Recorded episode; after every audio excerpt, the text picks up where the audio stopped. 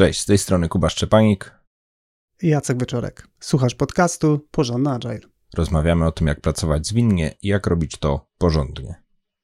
Zapraszamy.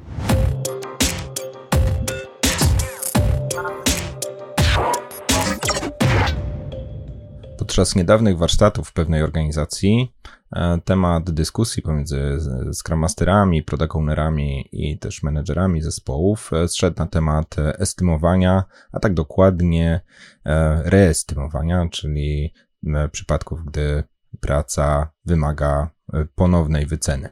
I temat zagłębiliśmy dosyć mocno w czasie tych warsztatów. Okazało się też, że w skali tak dużej organizacji jest bardzo dużo różnych podejść, bo tam kilkanaście zespołów e, było reprezentowanych przez e, różne role. E, no i pomyśleliśmy z Jackiem, że jest to temat też warty poruszenia w tym odcinku. O estymowaniu mówiliśmy już w różnych kontekstach w podcaście. Natomiast taki konkretny odcinek, gdzie rozmawialiśmy o możliwych podejściach do estymowania, znajdziesz pod adresem porządnyagile.pl łamane na 19. W tym odcinku nie będziemy dublować treści z tamtego odcinka, nie będziemy też mówić o e, technikach uzyskiwania wycen. E, natomiast e, co będzie w odcinku, spis treści tego nagrania. Najpierw wyjaśnimy i doprecyzujemy mocniej, co mamy na myśli, gdy mówimy o reestymowaniu. Później wymienimy te taktyki i możliwe podejścia do reestymowania i na końcu kilka przestróg ogólnych e, związanych z taktyką reestymowania czy stosowaniem e, estymowania i reestymowania w konkretnym zespole. Mówiąc w trakcie dzisiejszego odcinka o reestymacji, mamy na myśli tak naprawdę aktualizację estymaty, czyli aktualizację oszacowania. Czyli mieliśmy ocenę e, wielkości konkretnego elementu czy konkretnej pracy do wykonania przygotowaną wcześniej i z jakiegoś powodu przygotowujemy, e, ustalamy nową estymatę. Czasem jest to estymata mniejsza, kiedy odkrywamy, że tej pracy jest mniej, ale czasem może to być też estymata większa, kiedy odkrywamy, że pracy jest e, więcej.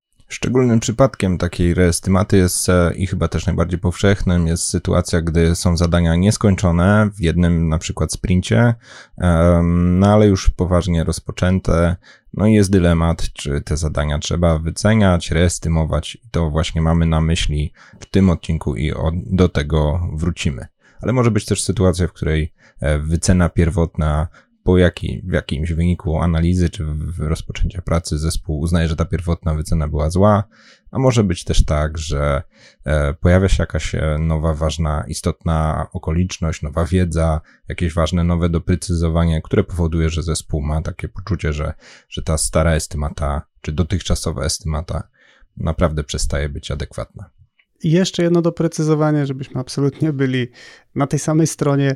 E, mamy na myśli tylko te przypadki, gdy konkretna praca została już wybrana e, do backlogu sprintu, do sprintu e, czy do konkretnej iteracji, ponieważ aktualizacja estymat z backlogu produktu traktujemy jako coś, co zwykle jest realizowane na wszelkiego rodzaju refinementach.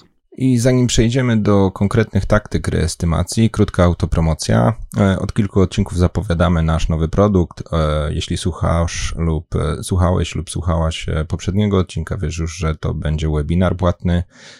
Słuchacze wybrali, głosowanie było bardzo zaciekłe i web web kilka naszych propozycji szło przez cały ten czas, no ale pierwszym tematem będzie dekompozycja elementów backlogu produktu. Sprawdź stronę porządnyagile.pl łamane na dekompozycja i kup dostęp do nagrania oraz materiałów dodatkowych w tym temacie. Jeżeli chodzi natomiast o reestymowanie, to może być kilka scenariuszy, kiedy do reestymacji podchodzimy i przez te cztery scenariusze teraz przejdziemy. Pierwszy scenariusz y, i taka pierwsza zasada to y, zasada, że nigdy nie reestymujemy. E, co by się nie działo, jaka by okoliczność się nie pojawiła, jakikolwiek e, z przypadków, które wymieniliśmy w tym wstępie definicyjnym, co mamy na myśli, czyli nieważne, czy praca jest rozpoczęta, ale nieskończona, czy są jakieś nowe informacje, czy gdzieś tam zagłębiliśmy się i mamy jakieś e, tutaj dylematy albo pokusy, twarda zasada, prosta zasada, zostaje stara estymata, czyli jak pierwotnie wyceniliśmy na trzynastkę 13 story pointów albo na jakąś MK, jeśli stosujemy t-shirty, no to po prostu ta estymato zostaje i traktujemy to jako dokonaną wycenę, nie wracamy do tego. Jest to zasada bardzo klarowna, bardzo prosta. Ona też jest jednocześnie mm, przyspieszająca, e, bo nie musimy otwierać nowych dyskusji, zwłaszcza jeśli proces e, dotarcia do wycen jest w danym zespole dosyć e, pracochłonny, no to jakby zaoszczędzamy sobie drugiego czy trzeciego okrążenia tych dyskusji wyceniających. Po prostu przyjmujemy, że raz już wyceniliśmy i, i ta wycena z nami zostaje. E, konsekwencją takiej zasady jest to, że e, może skakać velocity w przypadku zespołów, które nie kończą zadań w, w jednym sprincie, albo zdarza im się, że to niekończenie się nasila. E, no w takiej sytuacji, jeśli no między sprintami przejdzie trochę więcej zadań, no to w jednym z tych sprintów bardzo wyraźnie spadnie velocity i to akurat jest może właściwy sposób zachowania tej miary. Natomiast w, w kolejnym sprincie jakby awansem odziedziczymy bardzo dużo story pointów z poprzedniego sprintu i znowu tam ten skok e, tego velocity może być e, bardzo wysoki. No i drugi minus może to to, że takie podejście może utrudniać planowanie, pod warunkiem, że faktycznie używamy do tego samych estymat. Są zespoły, które oceniają ilość pracy do wykonania w sprincie na planowaniu, e, no poprzez po prostu dobór pewnej ilości story pointów, no i wtedy, jeśli e, do sprintu wchodzi pewna porcja pracy częściowo wykonana, no to zespół przestaje trochę wierzyć w te faktyczne wyceny. Drugie podejście mm, stosowane do mm, reestymacji to podejście, w którym reestymujemy pracę do dokończenia. Czyli nasza nowa estymata będzie mm, określała tylko tą pracę, która pozostała nam do wykonania e, najczęściej w kolejnym sprincie czy w kolejnej iteracji. I z jednej strony jest to fajne, bo mamy prawdziwą informację, ile zostało nam pracy do wykonania, co może pomóc zespołowi e, w planowaniu kolejnego sprintu, jeśli bazują oczywiście na swojej prędkości e, i na pojemności. Jednocześnie te skoki velocity, o których mówił Kuba, no to powinny nam zniknąć na takiej zasadzie, że prędkość naszego zespołu się urealni. Z minusów, które często słyszę, to jest coś takiego, że zespół gubi e, story pointy, czy w jakiś inny sposób wycenę za poprzedni sprint, no i to przepada. No jest oczywiście dyskusja, gdzie te story pointy e, lądują. Moim zdaniem w dev nulu i tam jest ich miejsce, akurat w tym kontekście. Natomiast y, pewnym takim ryzykiem jest to, gdy podchodzimy ponownie do reestymacji y, tematu, który już dotknęliśmy, no że ta nasza ocena jest taka dosyć y, uznaniowa, oceniamy jakiś taki kawałek, procent postępu pracy na tej bazie. Proporcjonalnie zmieniamy estymatę, no próbujemy uchwycić, ile nam zostało, natomiast no, jest tutaj szansa, że to po prostu nie będzie precyzyjna estymata, jeśli w ogóle możemy mówić o precyzji e, w tym temacie. Trzecia taktyka, dosyć e, podobna do poprzedniej, więc spróbuję bardzo wyraźnie przez przykład pokazać różnicę, to reestymujemy wielkość elementu produktu, ale w przeciwieństwie do tej poprzedniej, gdy powiedzmy zespół E, pierwotnie ocenił coś na trzynastkę, po czym wykonał dużą część pracy, więc estymuje do piątki i to byłaby ta taktyka przed chwilą wymieniona przez Jacka, więc wchodzi do następnego sprintu element z oszacowaniem czy oceną wielkości 5 story pointów, to w moim przypadku zespół bierze do pierwszego sprintu trzynastkę, pracuje nad nią i przed rozpoczęciem następnego sprintu, jeśli mamy do czynienia z tą potrzebą reestymaty, albo nawet i w trakcie e, sprintu, gdy odkrywa, że na przykład zadanie okazuje się być o wiele większe obiektywnie i z nową wiedzą ten zespół oceniłby jako na przykład 21, no to dokonuje ocenę e, właśnie zadania na nowo, wpisując nową wartość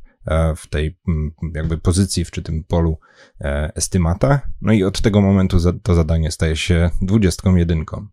Czyli no, albo w środku sprintu, albo e, na początku kolejnego sprintu ta ocena wielkości aktualizuje się, bo, bo to jest generalizacja. Często to jest może też w dół, chociaż mm, pewnie, pewnie najbardziej kłopotliwa jest sytuacja, gdy praca po prostu rośnie w rękach i wtedy ta ocena jest w górę. To powoduje, że ta wycena jest urealniona, być może przede wszystkim wspiera to proces prognozowania, czy to oceny jakiejś no, zakresu e, wdrożenia, może jakieś daty wdrożenia, w zależności od e, której strony e, w danym zespole jest to oceniane. Pomaga to też być może oceniać tą pracę, wyciągać jakieś dalsze wnioski produktowe na temat wielkości, złożoności, kosztochłonności danych funkcji w produkcie.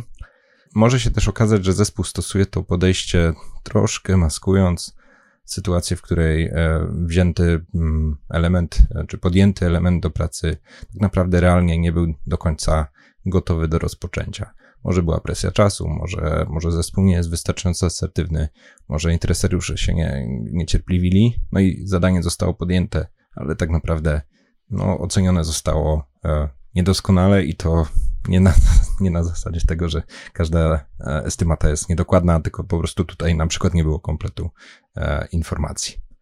E, no ale może się też zdarzyć tak, że zwłaszcza na przykład w bardziej rozbudowanych e, produktach, w bardziej rozbudowanych systemach, e, też może z jakąś większą historią, po prostu pewne, pewne prace zawsze zaskoczą. Na zasadzie zima zaskakuje drogowców, święto zaskakuje marketing i nagle się okazuje, że, że jednak jest coś większego, więcej pracy do wykonania, jakieś dodatkowe czynności, które nie były przewidywane.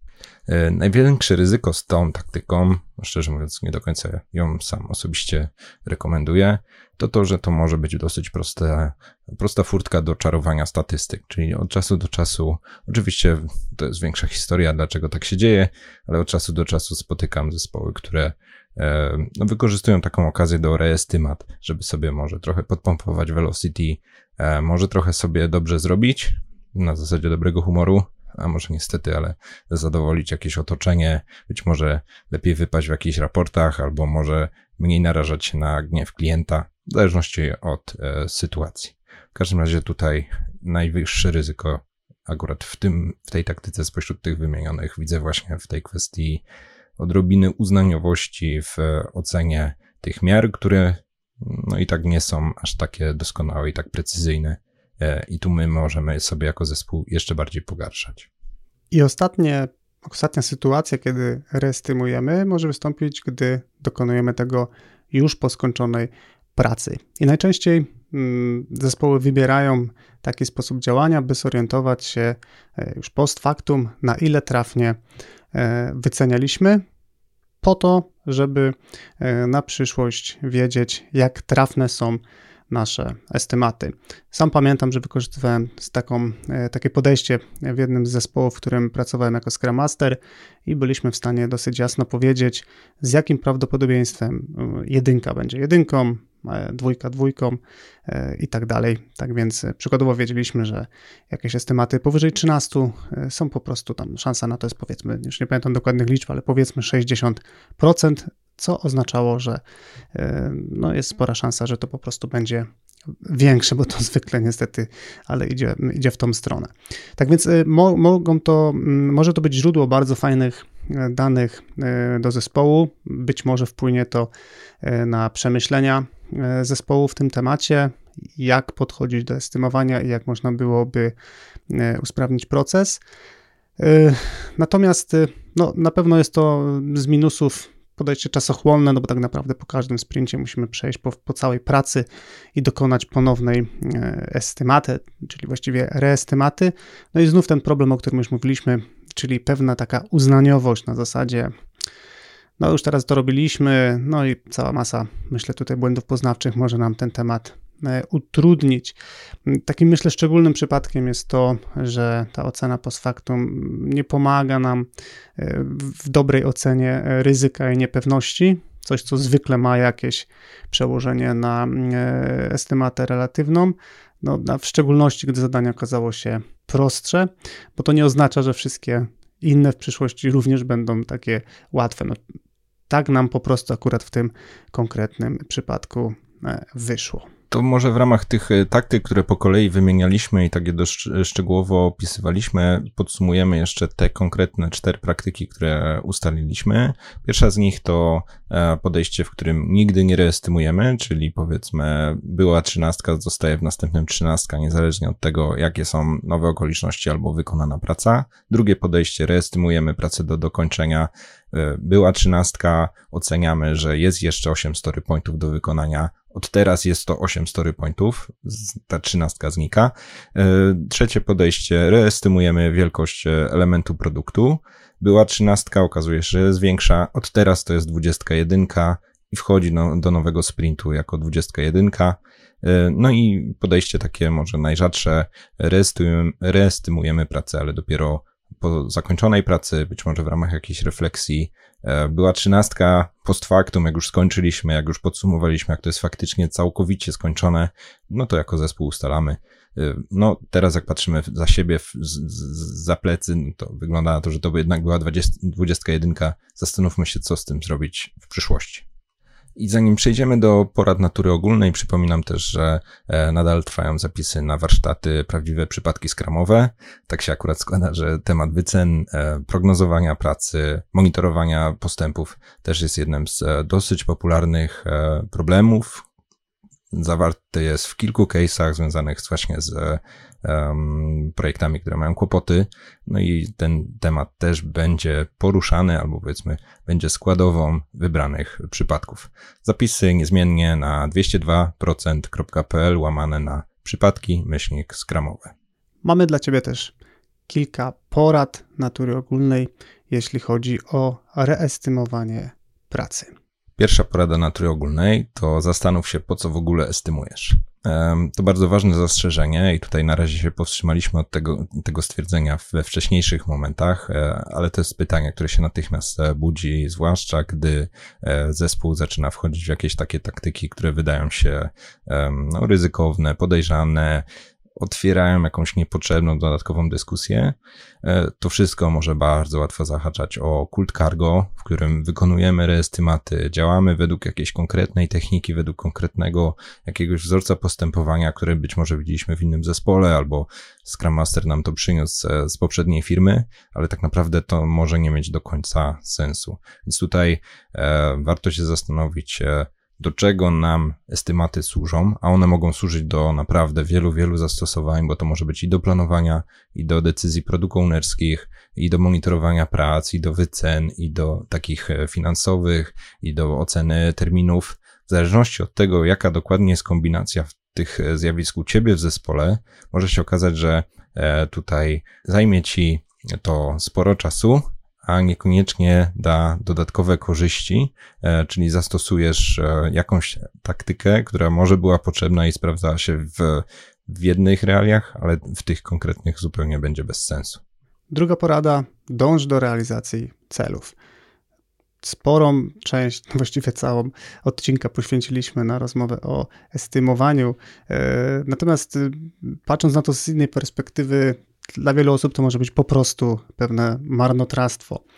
E, na zasadzie, że to jest tylko estymata, a przecież spędzamy masę czasu, żeby estymować, reestymować, w ogóle wybierać e, jedną z tych strategii, którą zaproponowaliśmy, albo je nawet łączyć. E, I, I taka myśl, którą chcemy tutaj przekazać, jest taka, że tak naprawdę istotne jest to, czy regularnie dostarczamy wartość, czy regularnie odpowiadamy na potrzeby naszych klientów, użytkowników, estymowanie tak naprawdę to jest, można powiedzieć, jakiś drugorzędny proces, będący tylko taką pomocą dla nas, y, dla zespołu. Czasem organizacja tego wymaga. Trochę to w sumie dotyka tego, co Kuba mówiłeś przed chwilą. Natomiast z perspektywy klienta, to, to czy estymujemy, czy nie, tak naprawdę nie ma y, najczęściej y, żadnego znaczenia. Trzecia porada to dobieraj taktyki reestymacji do celu estymowania. To łączy się z tym, co mówiłem chwilę temu, czyli te przyczyny, dla których robimy estymaty, mogą czasami podsuwać e, tą, a nie inną e, taktykę reestymowania. I chociażby przez przykład, jeśli e, estymat nie stosujemy do planowania pracy w zespole, czyli na przykład planowanie pracy w, kolej, w danym sprincie odbywa się albo na zasadzie budowania jakiegoś bardziej szczegółowego planu, albo zupełnie odwrotnie, na totalne wyczucie, na takim lajcie. Ty, Jacek, chyba na to mówisz, że tak e, jak to czujemy, jak, jak, jak to mamy w brzuchu. E, podejścia mogą być bardzo różne, ale nie wszystkie wymagają bardzo ścisłych e, ocen wielkości zadania. I wtedy być może reestymowanie zadań, które przechodzą między sprintami nie ma żadnego znaczenia. Jakby zmarnujemy czas na to, żeby uzyskać story pointy, których później i tak nie użyjemy, bo bo, bo planujemy pracę, oceniamy ilość pracy do wykonania zupełnie e, na inne sposoby. E, więc tutaj nie ma jedynej słusznej odpowiedzi. Różne zespoły, różne firmy, a być może nawet w obrębie jednej firmy bardzo różne jakieś produkty czy różne, różne usługi mogą mieć po prostu zupełnie inne zastosowania mm, i to może być ok.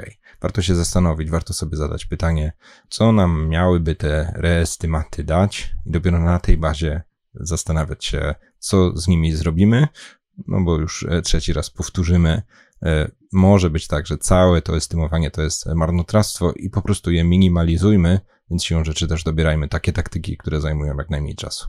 Czwarta porada brzmi: stosuj konsekwentnie jedno podejście. W ramach swojego zespołu warto trzymać się pewnych ustalonych zasad.